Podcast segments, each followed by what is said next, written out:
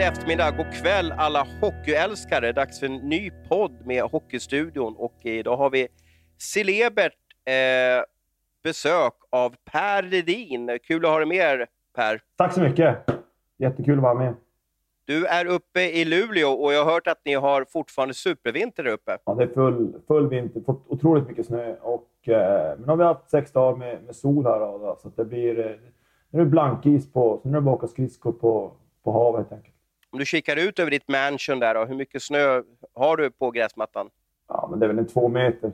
Två meter? Ja, på baksidan som där det blåser. Sådär. Men sen har man väl en balkong man ska skotta idag på ungefär en och en halv meter. Det är väl en yta som är skitsamma, åtta gånger åtta meter och sådär. Så att, nej, nu har jag lite att göra idag nog. Ja, men vad bra, vad bra.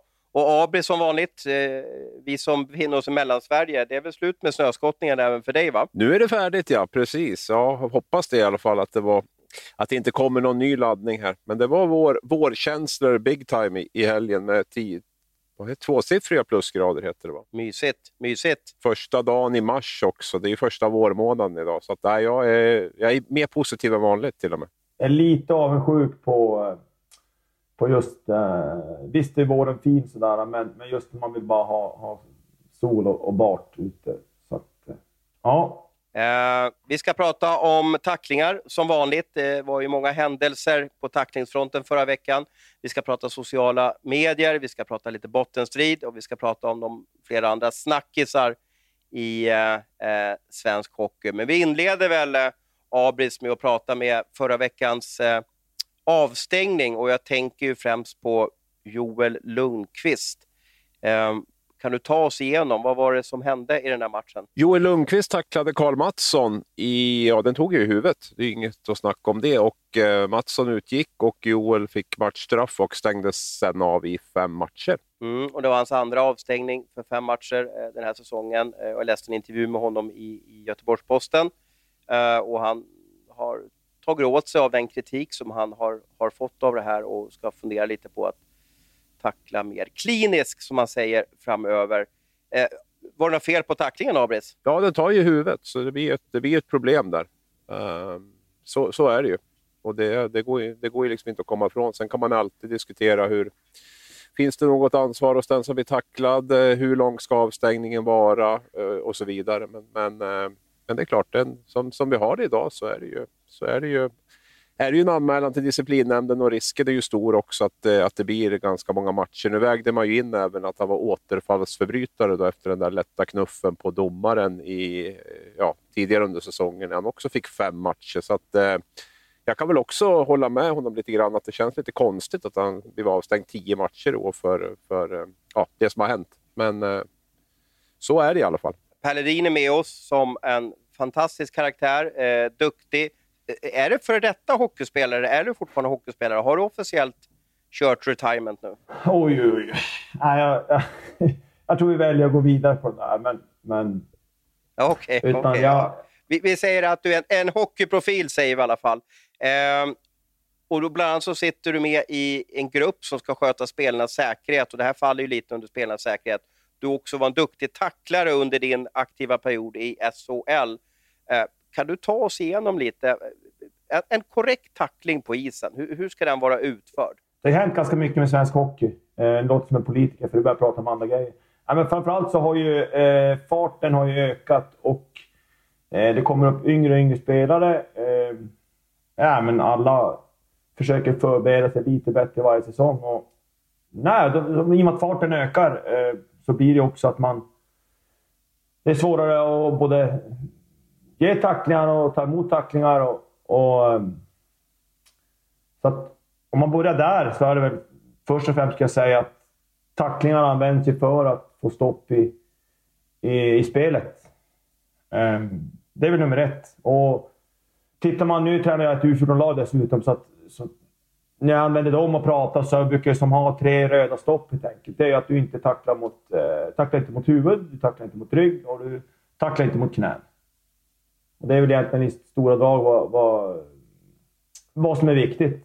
Um, sen är det aspekter som att du måste försöka um, ha ett uppsåt, tycker jag, att spela mot pucken. Jag vet att regelboken säger kanske inte att du behöver spela mot pucken så, men Vad, vad då spela mot pucken? Vad, vad menar du med spela mot pucken? Nej, men framför allt varför man använder en, en tackling och, och att ursprungsgrejen är att du separerar mot honom från pucken.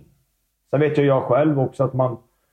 Eh, alltså tacklingar, alltså i skrämmande faktor att inte folk eller spelare spelar som eh, sitt spel och så vidare. Det är, ju, det är väl den ursprungsidén med att man vill vara en, en, en duktig tacklare och så vidare. Eh, men ska man vidareutveckla det där eh, så är det framför allt att du måste...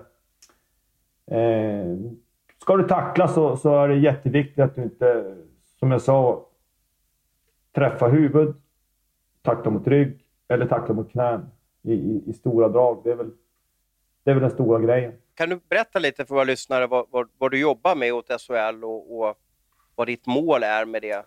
Vad ditt och SHLs mål är med det, med det jobbet? Eh, framförallt om jag ser tillbaka till, till man eh, spelar själv så fick jag ofta höra att man var ganska kanske inte tuff, men en, en, en feg och en ful spelare som, eh, som spelar på gränsen. Och jag har haft många, många utvisningar och, och, och på så sätt. Så att jag är väl ganska duktig på eh, just urskilja eh, uppsåt med, eh, med tacklingar när det är fult spel. Och jag hade väl några fula tacklingar som man inte är stolt över på det sättet. Men, men, eh, så tillbaka till din fråga. Det är väl framförallt att vi, vi, eh, vi vill ha bort fult spel. Jag har även, en, eh, även tre barn, två grabbar som spelar hockey och jag tillbringar otroligt mycket tid i ishallar och sådär. Så jag märker att, att just det här äh, eh, tacklingar, det fula spelet mot, eh, än en gång, de här områdena, huvud, rygg, axlar. Eh, det finns väldigt mycket att jobba med där. Och det är väl därför vi, man är väldigt hård och, och otroligt tydlig med när det gäller elithockey och elitnivån just i SHL, att, att vi vill få bort det fula spelet. Ja, nej, jag har två, två saker framför allt som jag fastnar på då, med, med, med, med det Per pratar om. Det ena tycker jag ju är alltså, det här med att tackla mot huvud, rygg och knän. Då, är ju, det, är, det är alla överens om. Svårigheten tycker jag är att det beror ju så mycket på vem du tacklar och hur den, den personen agerar. För jag menar, en, en, en tackling som, som tar i bröstet på någon som som är mer observant tar ju ofta i huvudet på någon som inte är. Och jag, vet, jag vet liksom inte riktigt, jag, jag lägger ingen värdering i att, att, det liksom, att man måste tåla mer eller sådär. Alltså, men det är mer en fråga hur, hur, vi ska ha det. För, för hur är det värt priset för, för en fysisk spelare idag att åka runt och tackla när risken är så stor? Det, det, du kan till viss del påverka vad som händer, men du är också så otroligt beroende av, av den du tacklar. Va? Och det, det leder ju till jättekonsekvenser med både spelare som, som får hjärnskakningar, du får dryga böter, du sätter ditt lag i en dålig situation. Alltså det, det finns så många aspekter i det där och jag, jag tror att, jag ska inte hålla på och älta det där, men jag tror att vi har en, en generation kvar nu med, med Joel Lundqvist och några till som kommer att tackla Helen Lesund och, och, och, lite sådär. Men sen, sen vet jag inte om det är någon som tycker det är värt priset.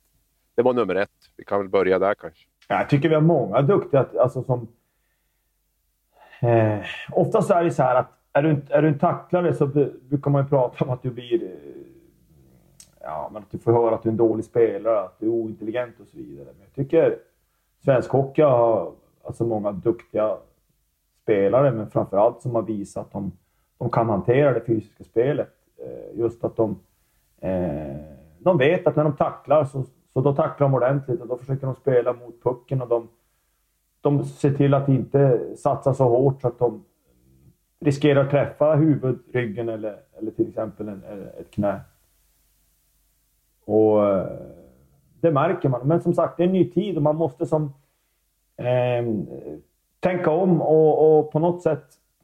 Ja, men du måste våga se dig själv i spegeln. Det spelar egentligen ingen roll vilket jobb du har. Eh, du måste våga hänga med i utvecklingen och, och, och, våga förändra för att, för att göra ditt jobb. Eh, för att bli kvar i ditt jobb, för att göra ditt jobb ännu bättre. Och, en del i utvecklingen det är framförallt att man måste eh, i det här fallet då förändra synsättet på att hur, hur eh, just att man, man sätter en tackling mot, mot huvudet. Hur tror du hockeyn ser ut om några år, Per? Svårt. Det är svårt att, att, att spekulera i. Det som alltid tilltalar en, alltså varför man själv börjat se hockey, det är ju det här... Man älskar ju känslor, man, är, man älskar ju alltså, tuffa matcher, man älskar ju att Alltså spela tuffa matcher där det är det är mycket på spel. Nu är inte publiken med, men publiken brukar vara med och man påverkas. Så, så brukar det oftast vara så att det är några som inte kanske som klarar det här emotionella trycket. Och det är någonting du måste behärska. Så jag kanske skulle vilja inrikta fokus på just när det gäller eh, ja, men hur, hur ser det ut på träningar. Alltså, det är väl för, först och främst där så. Ehm, det enda man vet när det är match det är ju att alla går för att, alltså det är ju en kampsport så alla går för att vinna. Men just att, hur ser det ut på träningar? Att, tränar man tillräckligt bra? Eh, är det tillräckligt mycket kamp? Jag vet att jag har fått, som jag sa, se tillbaka på min, på min spelarkarriär att fan vad du kör hårt på träningar och, och ta det lugnt nu och så här. Och jag är som mer som, okej, okay, ja men du, egentligen far du och flyg utan, utan du får, du får ju, du vaknade träning. Eh, kanske lätt för mig att säga då som, som, som älskar kampen och känslor och det här, men eh, än en gång, går man tillbaka till mina smågrabbarna U14 som jag tränar så försöker jag jobba jättemycket med dem och prata om dem. Att, att vikten av att eh, hela tiden vara förberedd på vad som komma skall.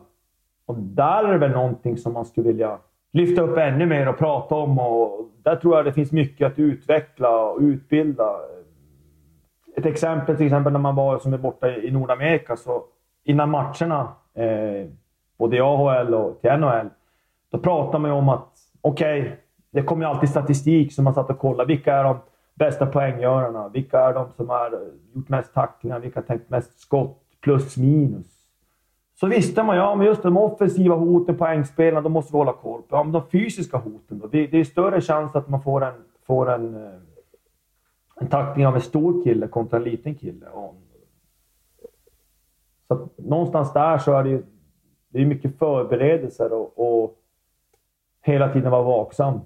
Så där finns det många bitar man skulle behöva diskutera och prata igenom och, och verkligen utvärdera och utveckla framförallt. Ja, alltså nå någonting som jag, som jag ju jobbar med ungdomar själv med, med, med hockey, det, som, det, som, det var en andra grej jag tänkte komma in på. Just det här att man tidigt alltså, tacklar för att vinna puck, tyckte jag var, gav väldigt bra utdelning. Om man hela tiden har det mindsetet, alltså, du ska inte gå ut och släcka någon, men däremot så om syftet hela tiden är att försöka vinna puck med tacklingen så blir det också på ett annat sätt upplevde jag i, i själva tacklingssituationerna.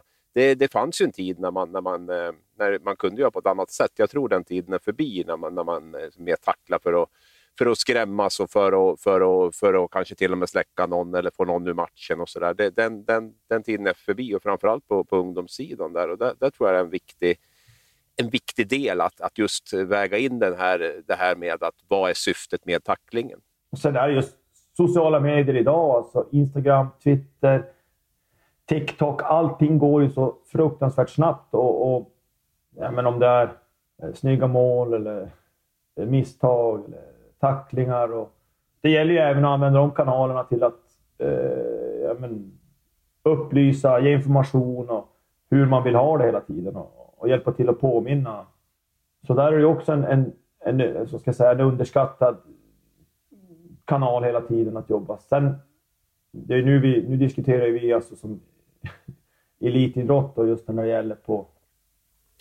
Eh, det står så mycket på spel i, i varje match. Och, men just någonstans där så, så tycker jag det ändå varit en, en, alltså en, en positiv utveckling att framförallt spelarna tycker jag att de, de, eh, de börjar respektera varandra på, på ett bättre sätt. Ja, det kan, jag, det kan jag hålla med om. Och det, jag menar, vi kan väl ta ett sånt... Alltså du, jag, jag, kan hålla med lite grann om det Per säger, eller mycket av det han säger med att man, man måste liksom anpassa sig till den tiden som är. Det, man, man, man, får tackla på ett annat sätt idag än vad man gjorde, gjorde tidigare. Oskar Engsund till exempel är ett bra exempel i, i Luleå som jag var väldigt kritisk mot för en fyra, fem år sedan och som jag tycker har eh, har gjort exakt det vi pratar om, som, som, som har fortfarande har kvar en fysisk edge i sitt spel, men, men, men som har anpassat sig efter den tiden som är.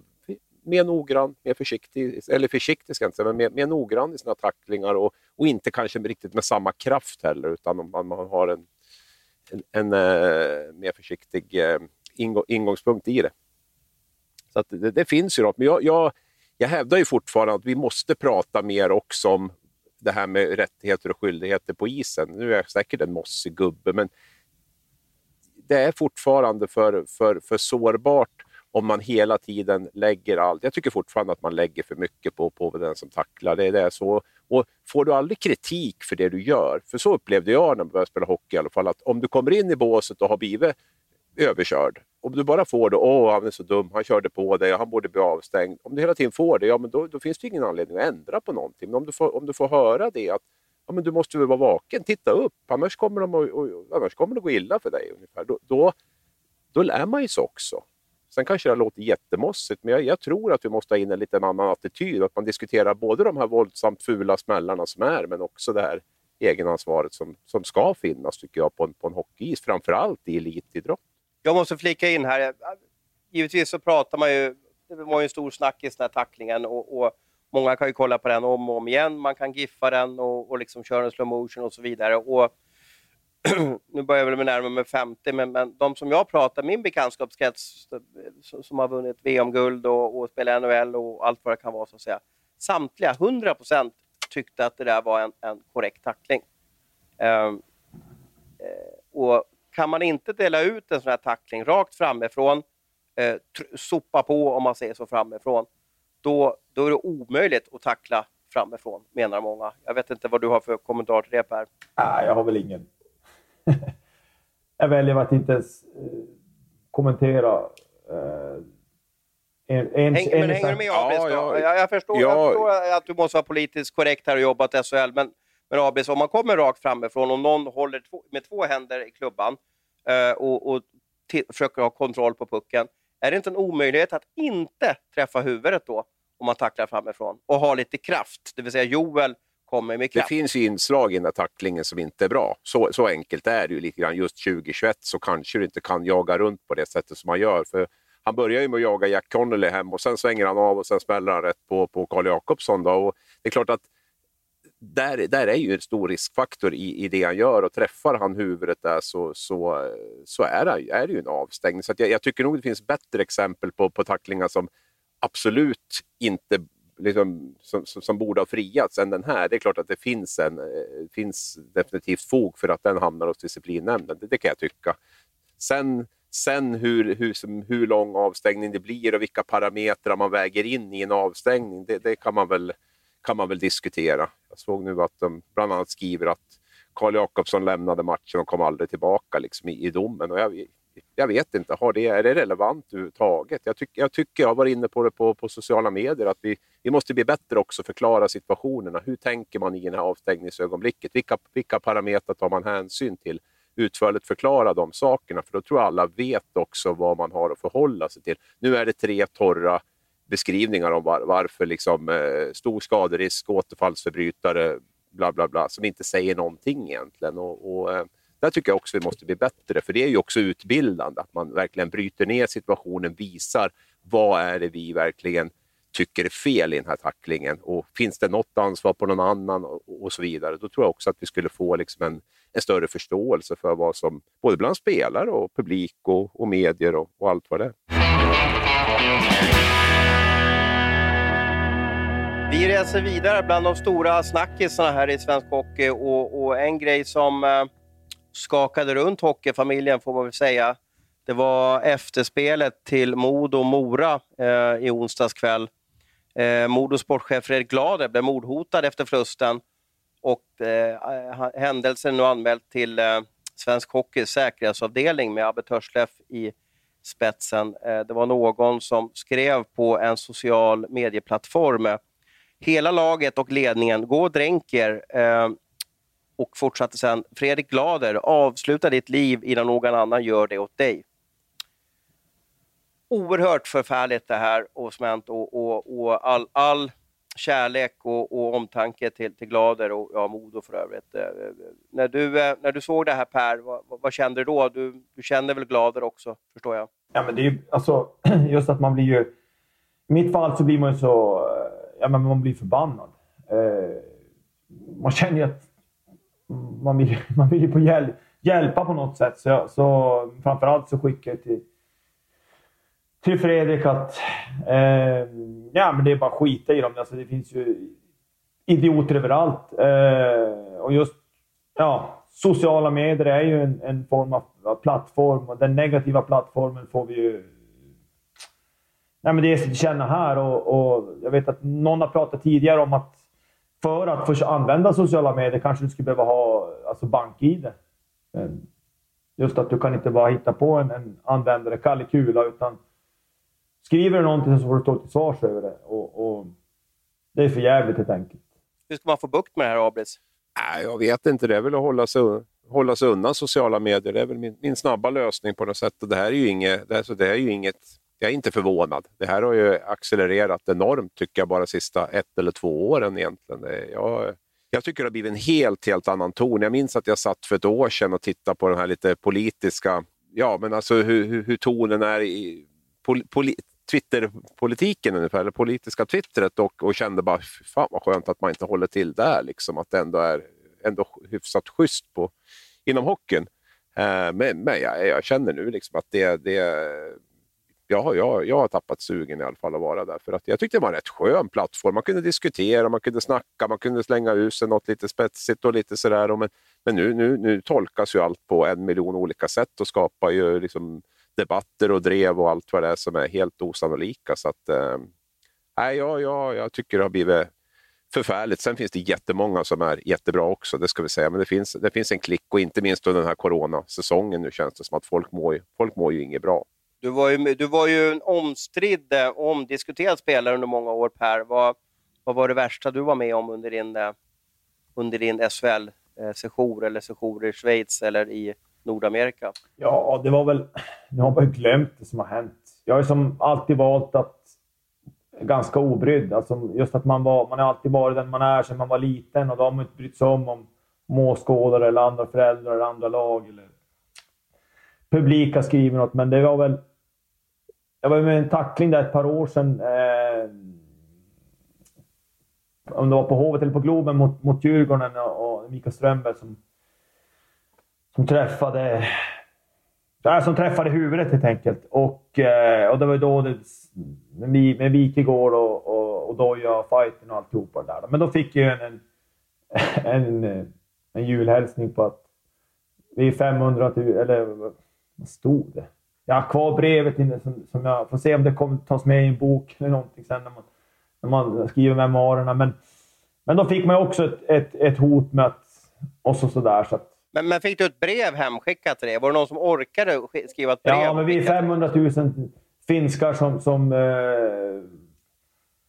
typ som... Ja, någonting sånt stod det i alla fall. Jag kommer inte ihåg. Jag har det sparat, eh, som jag sa tidigare. Eh, det är väl det. Och sen är det väl någon som, som skriker åt det, men man har liksom inte brytt sig, brytt sig så mycket om det. Jag, jag brukar oftast... Eh, ju närmare slutspel, ju närmare man kom det just efter mitten på januari, slutet på januari, så tyckte jag om, och nu kanske någon annan tycker, säger att jag ljuger, men, men då avskärmade jag mig lite grann just från att läsa tidningar, läsa, vara med överallt. Just för att det det tog ganska mycket... Eh, ja, men jag ville bara utesluta som att det skulle ta energi från en. Så man var som inne i sin, sin egna bubbla. Och någonstans är det så att, ja, om jag inte vet om vad de skriver så kan jag som inte riktigt ta åt mig av det i och med att jag... Ja, men ta till exempel som idag, skulle någon spela på det sättet som man gjorde själv, då... Eh, ja, men då, då hänga med på Twitter och sociala medier och alltihopa. Du hade ju, du hade ju fått så mycket... Eh, oftast är det så att det är mer negativt än positivt och du hade blivit hotad både till höger och till vänster och någonstans så blir det ju att stänger du av så kommer du inte fram till det på så sätt. Det blir inte lika... Men vad är det okej? Okay? För att vi, vi behöver ju fans, vi behöver känslor, vi behöver... Jag menar, de som, jag säger inte att fansen äger klubbarna, men, men utan personer som engagerar sig för sporten så har vi ju ingen levande hockey. Då blir det, ja, man kanske kan säga en liknelse, då blir det en schack. Ett schack som ingen riktigt bryr sig om. Eh, var går gränsen för hur engagerade supportrar får vara? Ah, ja, oj. Eh... Är det, är, är, är det okej okay, Per, om du går och handlar på ICA där i, i, i Luleå, är det okej okay att gå upp till dig då och diskutera eh, gårdagens match? Men det där är så olika. Jag har inga problem att diskutera. Jag har alltid tyckt att jag står där i motgång, jag står där i medgång. Jag, jag tycker om när det är passionerade fans. Det spelar ingen roll om man har om man står med sina egna fans och står till svars. Eller, jag har alltid känt att det är en del av, av, eh, en del av sporten, det är en del som tillhör eh, jobbet. Och, och som sagt, så jag, min fru och mina barn säger jag tar mig alltid tid. Det går inte att handla med dig. Du ska alltid vara så trevlig och alltid prata med alla. Och sån, sån är jag för, att, jag för att jag tycker att det, det man måste som ge tillbaka. Och där är vi som sagt, där är vi, där är vi alla olika. Och, uh, vissa de bara skiter i det, bara upp med hottröjan och så, så, så, går de bara. Så det där är som... Men, så jag är svårt där och, och jag tycker inte om att gömma mig om jag säger så. Nej, alltså då sen... Man måste ju slå fast också att det, de, de, de allra flesta är otroligt bra. Det, det, så är det ju. Vi får, vi får ju vi får liksom inte fastna i eller tro att, liksom, att det är 90 procent som beter sig skit. Liksom. För så är det ju verkligen inte, utan tvärtom. Eh, men, men sen är det ju, jag vet inte, som idag... Eh, sociala medier från början var väl en, en, liksom en, en, en plattform för att kunna liksom utbyta ja, åsikter och, och, och sådär. Men, men alltså, idag, ja, den, rekommendation man kan ge är väl att, att liksom hålla sig borta från det om man är aktiv på, på något sätt. Eller så, för att det, det är där det, liksom det, det värsta skitstormen är. Det, det, och vi pratade om det här redan förra säsongen. att Förr kändes det som att folk avreagerades på matcherna. Nu, nu, nu räckte det inte med när man var där som publik, va? utan nu räcker det inte med det, utan nu fortsätter man på sociala medier. Och i år då, när man inte får ens får vara på matcherna och, och avreagera, sig, då är det som att det har liksom accelererat något enormt på, på just sociala medier. Det har ju blivit som publikplatser i, idag. Va? Och, eh, det, det, det blir ofta inte speciellt bra. Ja, och sen håller jag med just att tittar man ju lite grann just nu under coronapandemin så hur Sverige... Ja, men hur det sköts. Någon måste ju sköta det. Men, och då är det ju så otroligt mycket... Det är lätt att hamna i det här negativa och politikerna de bara smutskastar varandra. Tidigare kändes det mer som att nej, men vi pratar för vad vi är bra på. Och, och, men nu handlar det bara om att påvisa att de ljuger och de, allting, alltså, allt är dåligt och allt det negativa fokuserar man på. Och det är klart att det smittar ju av sig. På, och det har även kommit in i, i, i sportens värld. Att, man, att det räcker inte med att, att, man, att man har en dålig dag eller man miss, alltså du missar puck eller missar öppet mål eller du styr in en eget mål. Eller jag ska nog se till att få... Han ska få lite extra skit den där jäveln idag. Du kanske är glad att du inte är aktiv i SHL idag, Per? Nej. Kom, 2021, 1 augusti, där är redo. Ja. men, så man har ju alltid ett val också om man vill vara med. Man kan alltid stänga av sociala medier. Sen tycker jag det är trist om det är profiler som försvinner därifrån på grund av, på grund av klimatet och, och så. För att vi, vi, vi behöver ju... Vi, jag tycker att det kan vara uppfriskande också om vi har folk som, som, eh, som vågar tycka och tänka saker på, på Twitter utan att det liksom tar proportioner som, som, eh, som spårar ur helt. Men, men där, får väl alla göra sitt eget val om man vill vara aktiv eller inte. Då. Joel Lundqvist har ju valt att inte vara med på sociala medier, ska jag bara flika in här. Ja, det känns väldigt klokt och relevant. Men det är väl inte, är inte, är inte valet man kan säga, att man beter sig som du beter dig mot folk när du möter dem, så ska man bete, dem på, bete sig på Instagram och andra sociala medier. Är det inte så enkelt? Jo, att säga det är en sak, men att få folk att göra det är väl något helt annat kanske. Och sen ska man väl ändå se på det det som skrivs eh, är väl oftast kanske på kvällarna också. Och så sitter man hemma och så har man fått i sig någon alkoholhaltig dryck. Och, och då vet väl alla att man... Ja, inte jag då, men, men ni kanske vet om att då kan man... Då, då pratar man mer från hjärtat och då, eh, då, då händer det mycket, mycket skit, mycket negativt med alkohol.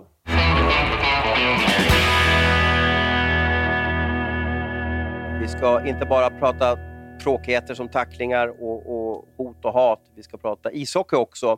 Och vi har en bottenstrid som lever eh, till förbannelse. Hur, hur, ser du på årets bottenstrid, Per? Ja, den är ju otroligt spännande och det som slår mig, eh, som jag tycker är intressant, och det har alltid varit, alltså, som, det är just det här hur eh, alltså, eh, gruppdynamiken i ett lag. Eh, just tränare, spelare, nu när jag själv tränar ett, ett, ett, lag och alltid tyckt om och fått vara med och vinna lite grann, så hur viktigt det är att få ihop en grupp, att man har en kärntrupp, att kärntruppen följer det, det tränaren vill ha ut och så vidare. Det är det som jag tycker är otroligt eh, kul att, att se och framförallt när man märker så tydligt när lag får ihop gruppen eh, ja, och, och, helt enkelt som Hitta på något sätt eh, lösningen på hur man blir ett vinnande lag och, och vänder en negativ trend till en positiv trend. Och, och det är väl senaste... Ja, men det är väl framförallt Malmö som har gjort en, en, en, en imponerande resa. Fem raka segrar där, ja.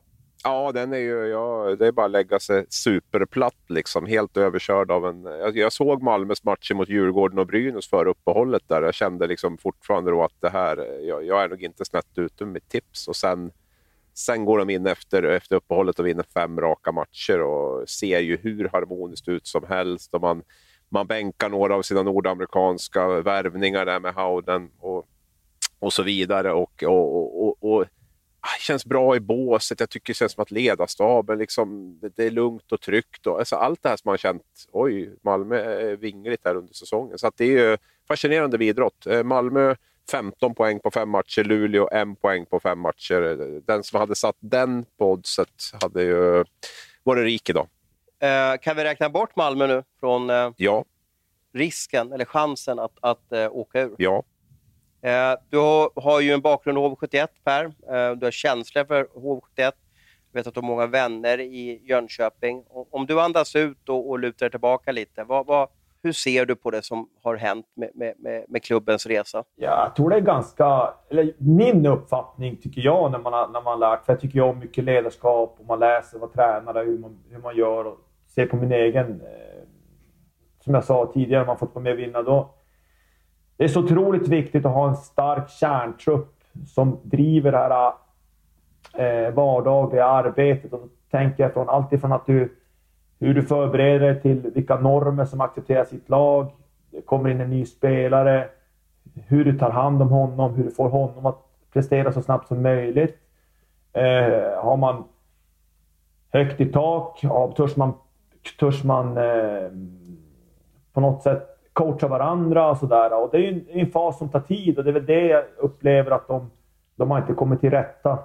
Just att tränare och spelare har funnit varandra som, som just handen i handsken, att de, de pratar samma språk. Och det är väl alltså många duktiga spelare, alltså just många som är van att göra mycket poäng, men någonstans så, så eh, jag skulle nog säga att ser jag tillbaka till de åren när HV var som bäst, då har de haft en stark kärna, naturliga, både informella och formella ledare som, som har som satt prägen och, och stoltheten, vad som accepteras och inte accepteras. Så tappar du några för varje år och så får du in spelare som inte kanske har det, utan de kanske är lite mer fokus att, att fokusera på, på, på sig själv lite mer. Eh, ja, men då är det lätt att det blir en, en, en rubbning i, i alltihopa och, och, och då då får du inte med dig laget och då uteblir ju resultaten. Och nu kanske alltid lätt att, att vara efterklok så, men som just att ser man till då, eh, Martin Törnberg och Oskarsund, dels så känner jag dem som personer och, och, och sådär. De har ju ändå ett, ett, ett HV-hjärta och eh, jag har inget...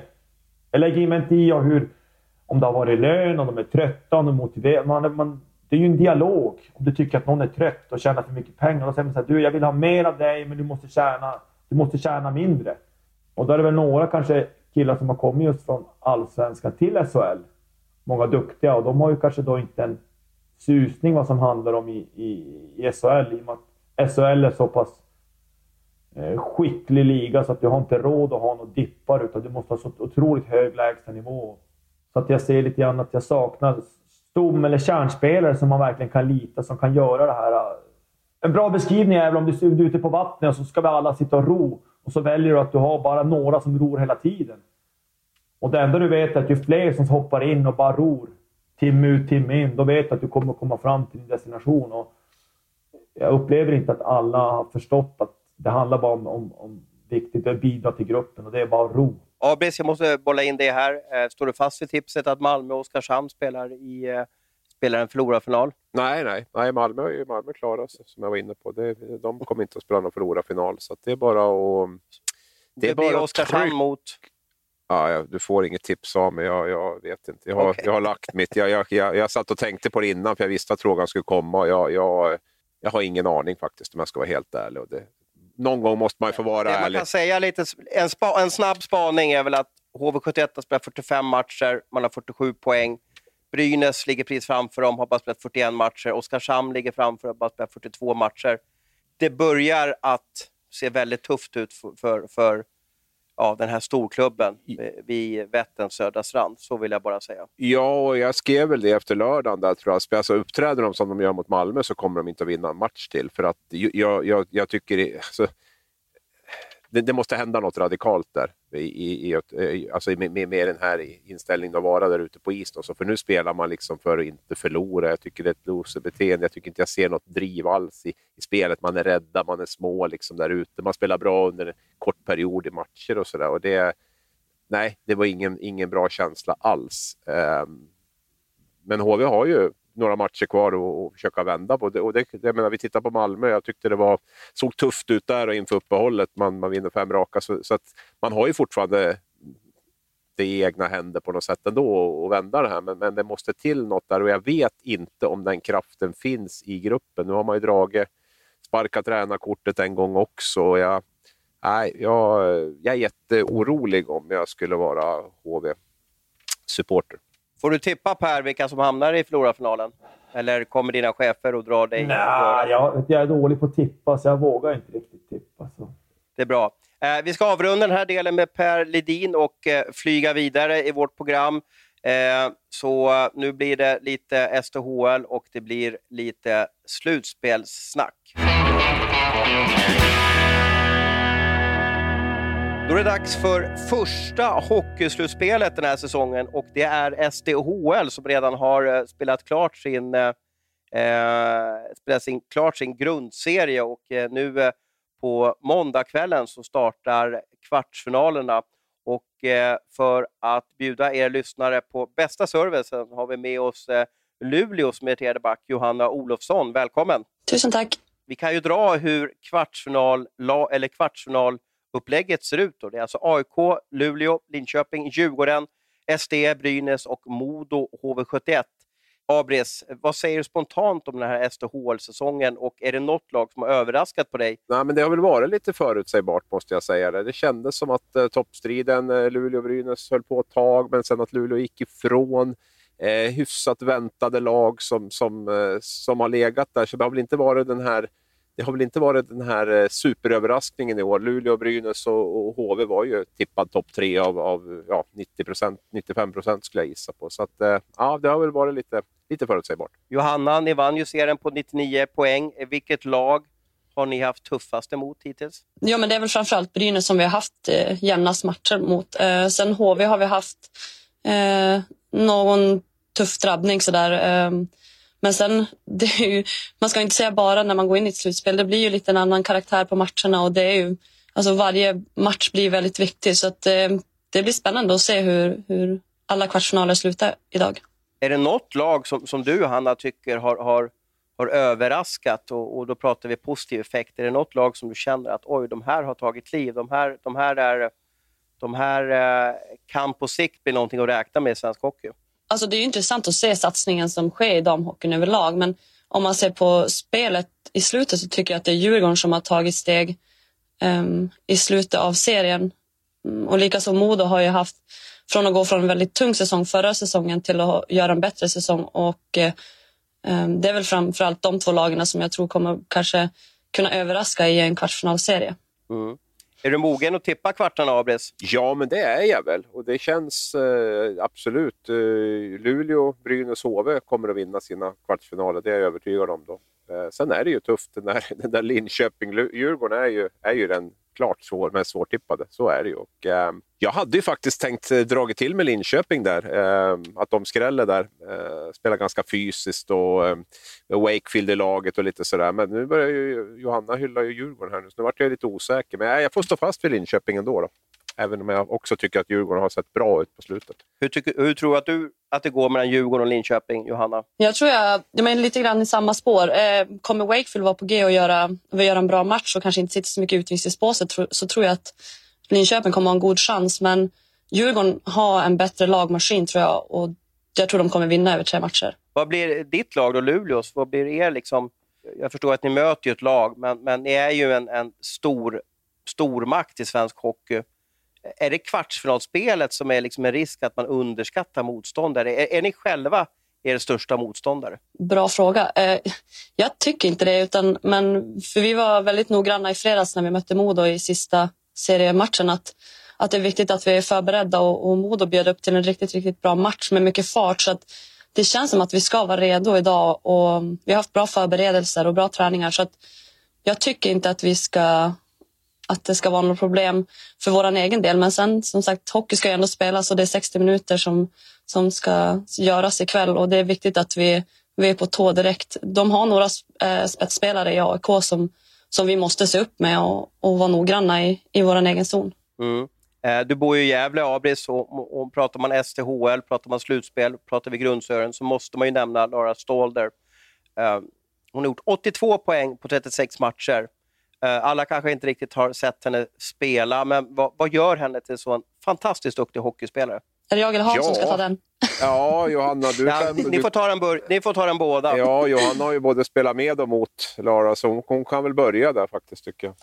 Eh, nej men, eh, Lara har ju en förmåga att, att kunna avgöra matcher och, och kunna göra mål och poäng um, ja, men oavsett vilket motstånd. Men um, jag jag tror ändå att det kommer att bli intressant att se henne nu när det blir tuffare matcher. Och för hon har förmågan att kunna göra mycket poäng mot, eh, mot sämre lag. Och sen gör hon ju även poäng mot bättre lag. Men jag, jag tror att det kommer bli intressant att se. Sen är ju Mrazova tillbaka och, och Lara och Mrazova tillsammans är ju, är ju ett, ett tufft motstånd. Så att det blir intressant att se hur det går för Brynäs nu.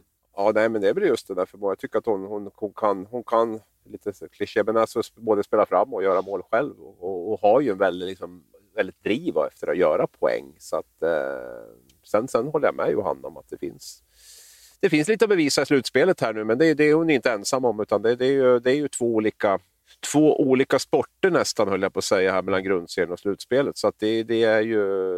Vi får se vilka som, vilka som kliver fram rejält nu när det blir, blir skarpt läge. Sen är det ju lite jag tycker att det är en fördel för de här lite lägre placerade lagen att det bara är tre matcher också i kvarten. Där, för det, det är, eh, över, över fler matcher vinner ju mycket större chans att det bästa laget vinner. Nu, nu är det liksom en, man börjar med en bortamatch. Eh, förlorar man den så blir det jättepress på, på, på, på de lagen som har varit högst placerade. Så det, det är, väl en, är väl en sak som talar för att det kan bli någon liten skräll i, i kvarten.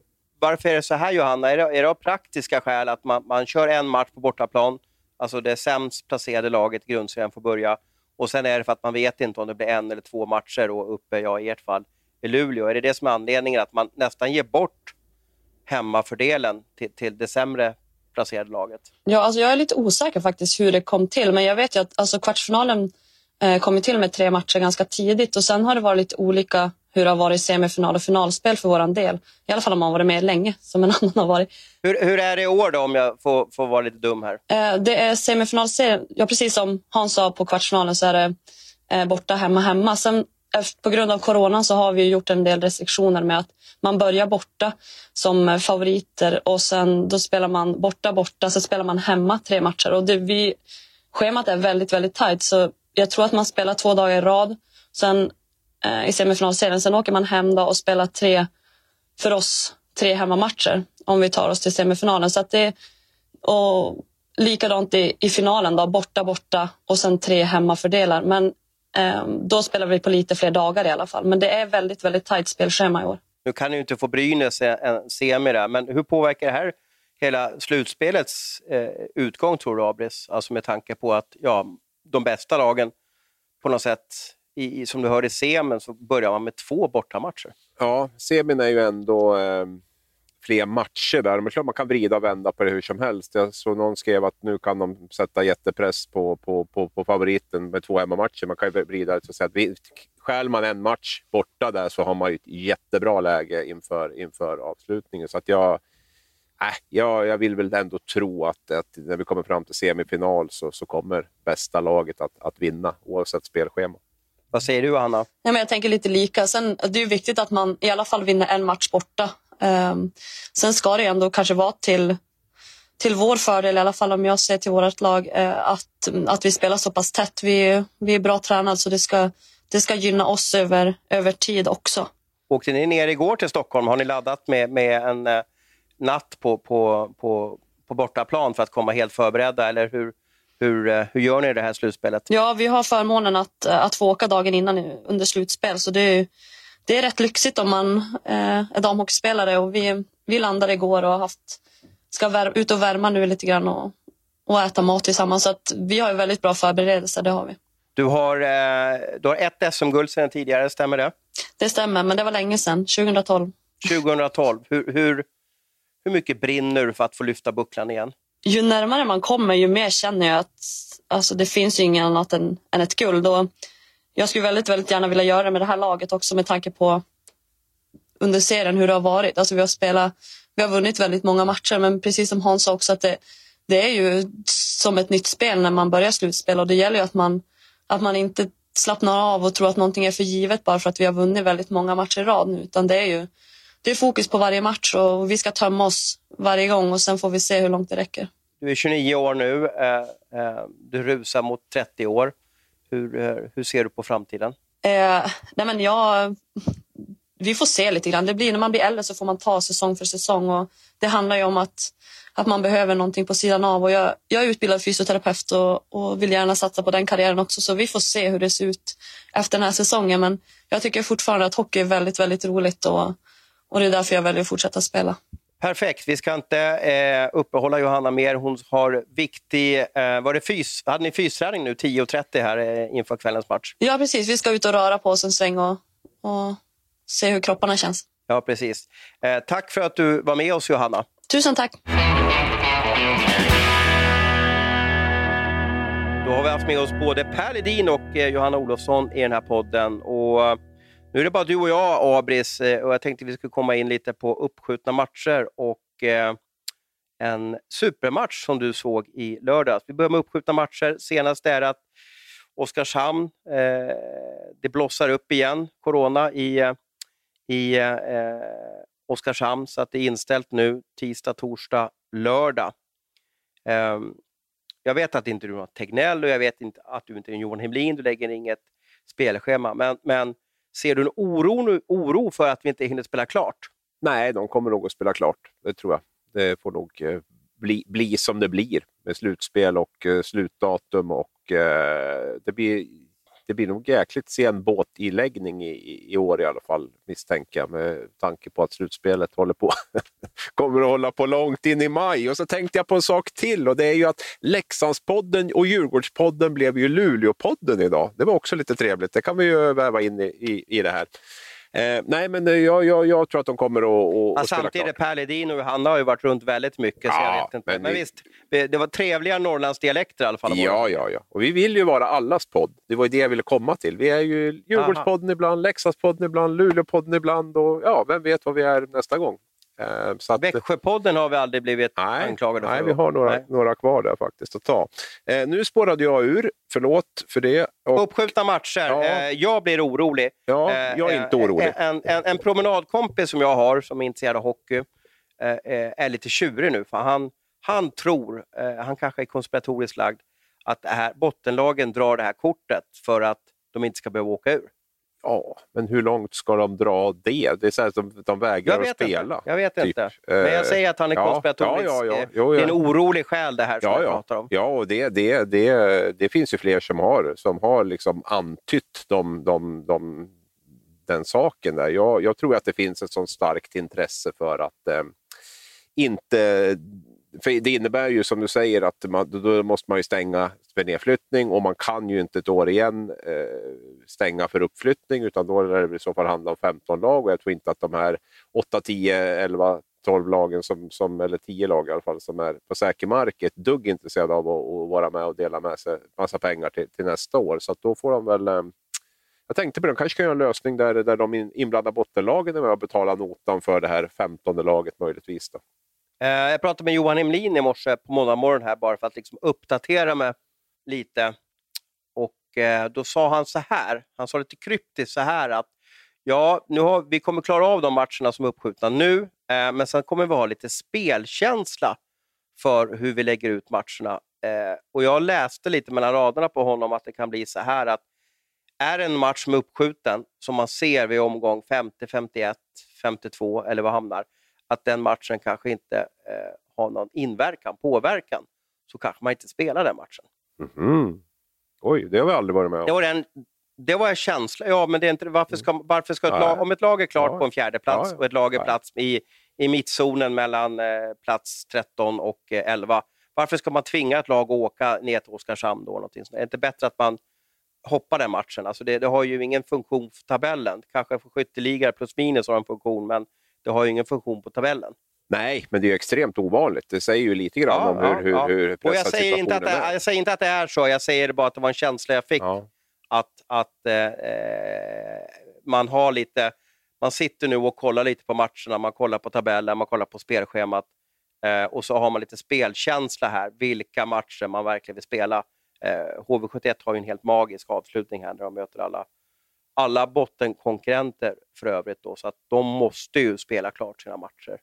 Alla fall. Men du, vad bra, vad bra att du tar ner lite den här konspiratoriska vännen till mig då, så att det inte är att, att man drar ett coronakort för att eh, skjuta upp grundserien till förbannelse så att det inte går att, att färdigspela. Ja, jag utesluter ju inte att det i vissa fall finns lag som har handlat taktiskt, men, men att det skulle leda i slutändan till att inte serien kan spelas klart har jag ju har jag jättesvårt att, att, se. För att eh, alternativet nu att, att hålla på och ändra tror jag inte är, tror jag inte är aktuellt om jag ska vara ärlig.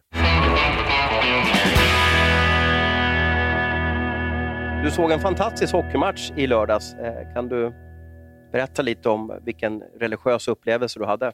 Ja, det var ju hockeylördag och eh, först såg jag Malmö-HV då och sen var det ju brakade loss på kvällen där med enda matchen som var dessutom. Det fanns liksom ingen, eh, ingen anledning att, att fundera på vilken match man skulle se och även om det hade varit det så hade jag, hade jag valt den här ändå. Men, men Rögle-Skellefteå, ja då började Det Hockey. Night i, i stan Ja, det var i stan. Nej, det var i Ängelholm faktiskt, så det var inte i Okej, stan. Hockey, men- Night, eh, en, Hockey Night på Angel Island. Angel Island, ja, men det var väl kanske många som satt hemma i stan och kollade på, på, på, på matchen också, kan jag tro. Nej, men, eh, två eh, häftiga lag och det är klart att det är lätt att dras med i, i, i det man ser just för stunden och så, men, men det är klart att de här, de här två lagen är ju glödheta när det gäller kampen om, om, om SM-guldet. Det är ju det är den känslan man, man, man fick när man satt och, och tittade på det. Och viktigt för Rögle också att studsa tillbaka efter ett par mindre lyckade insatser. Du var väl och såg dem i Örebro i veckan om inte jag minns fel? Va? Så att, Ja, det var eh, ett, ja, jag, var, jag har bara sett dem i klang och jubelföreställningar hittills. Så att,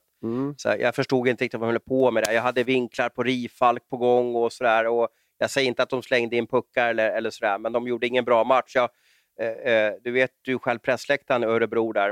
Eh, man sitter väldigt nära båsen. Och matchens händelse var nog när jag såg eh, coach Abbott dunka sin känga, jag tror upp mot tio gånger mot, mot, eh, eh, mot sargen. Eh, jag, jag trodde nästan att han skulle sparka igenom sargen där, men han var så förgrymmad så han stod oavbrutet och, och sparkade mot, mot, mot, mot sargen där. Eh, och eftersom det är så tyst, eftersom det är, det är inte så mycket folk, så, så det där, de där här smällarna hördes, de ekar ju liksom överallt. Då, så att den där eh, den, den metaforen liksom vart ju någonting som genomsyrar hela matchen, att de var inte nöjda i, i Rögle. Och man såg hur frustrerade de var. De, var ju, de muckade ju mot Örebrospelarna hela matchen där och det slutade med att, att, att Jelenas eh, gav en, en checking from behind på Leino och blev avstängd för den tills vidare. Och då var det här farliga avståndet kanske två meter från, från sargen också, så det kunde gått väldigt, väldigt, väldigt illa där.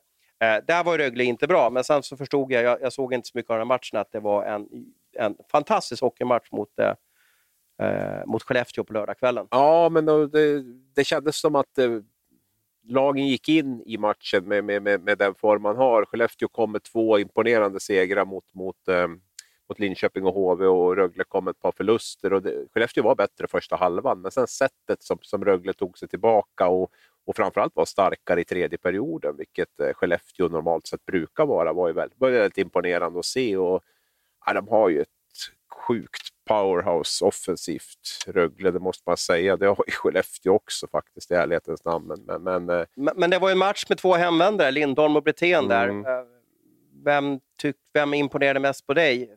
jag tycker nog Brithén gjorde sin bästa match sedan han kom hem, det måste Mm. jag säga. Det, det... Han var inte speciellt synlig mot, mot Nej. eh, Örebro och eh, jag såg också en match med Lindholm här mot Leksand förra veckan. tycker jag inte att han gjorde någon bra match. Så att, eh, jag tror startsträckan blir nog längre än vad man tror för de där killarna. Absolut, jag menar, inte minst för Lindholm då, som, som jag, jag tycker han har varit rätt bra, men, men han har ju spelat lite och varit i en annan världsdel i några år nu och, och sådär. Brithén har ju ändå varit borta ganska kort tid, men ändå, alltså det är en, mental omställning att komma tillbaka. Man ska hitta sin roll i laget som har förändrats under den här tiden han har varit borta och liksom, formen kanske inte är på topp och, och sådär. Så att det är klart att det tar lite lite tid och det, det har vi väl varit inne på, men det tar ju ändå... Jag tror att det kommer att, i god tid till slutspelet så kommer de ju att vara eh, bra och det är ju fort, de är ju redan bra, men, men kommer att vara riktigt bra. Så att eh, det ska mycket till att välta de här två.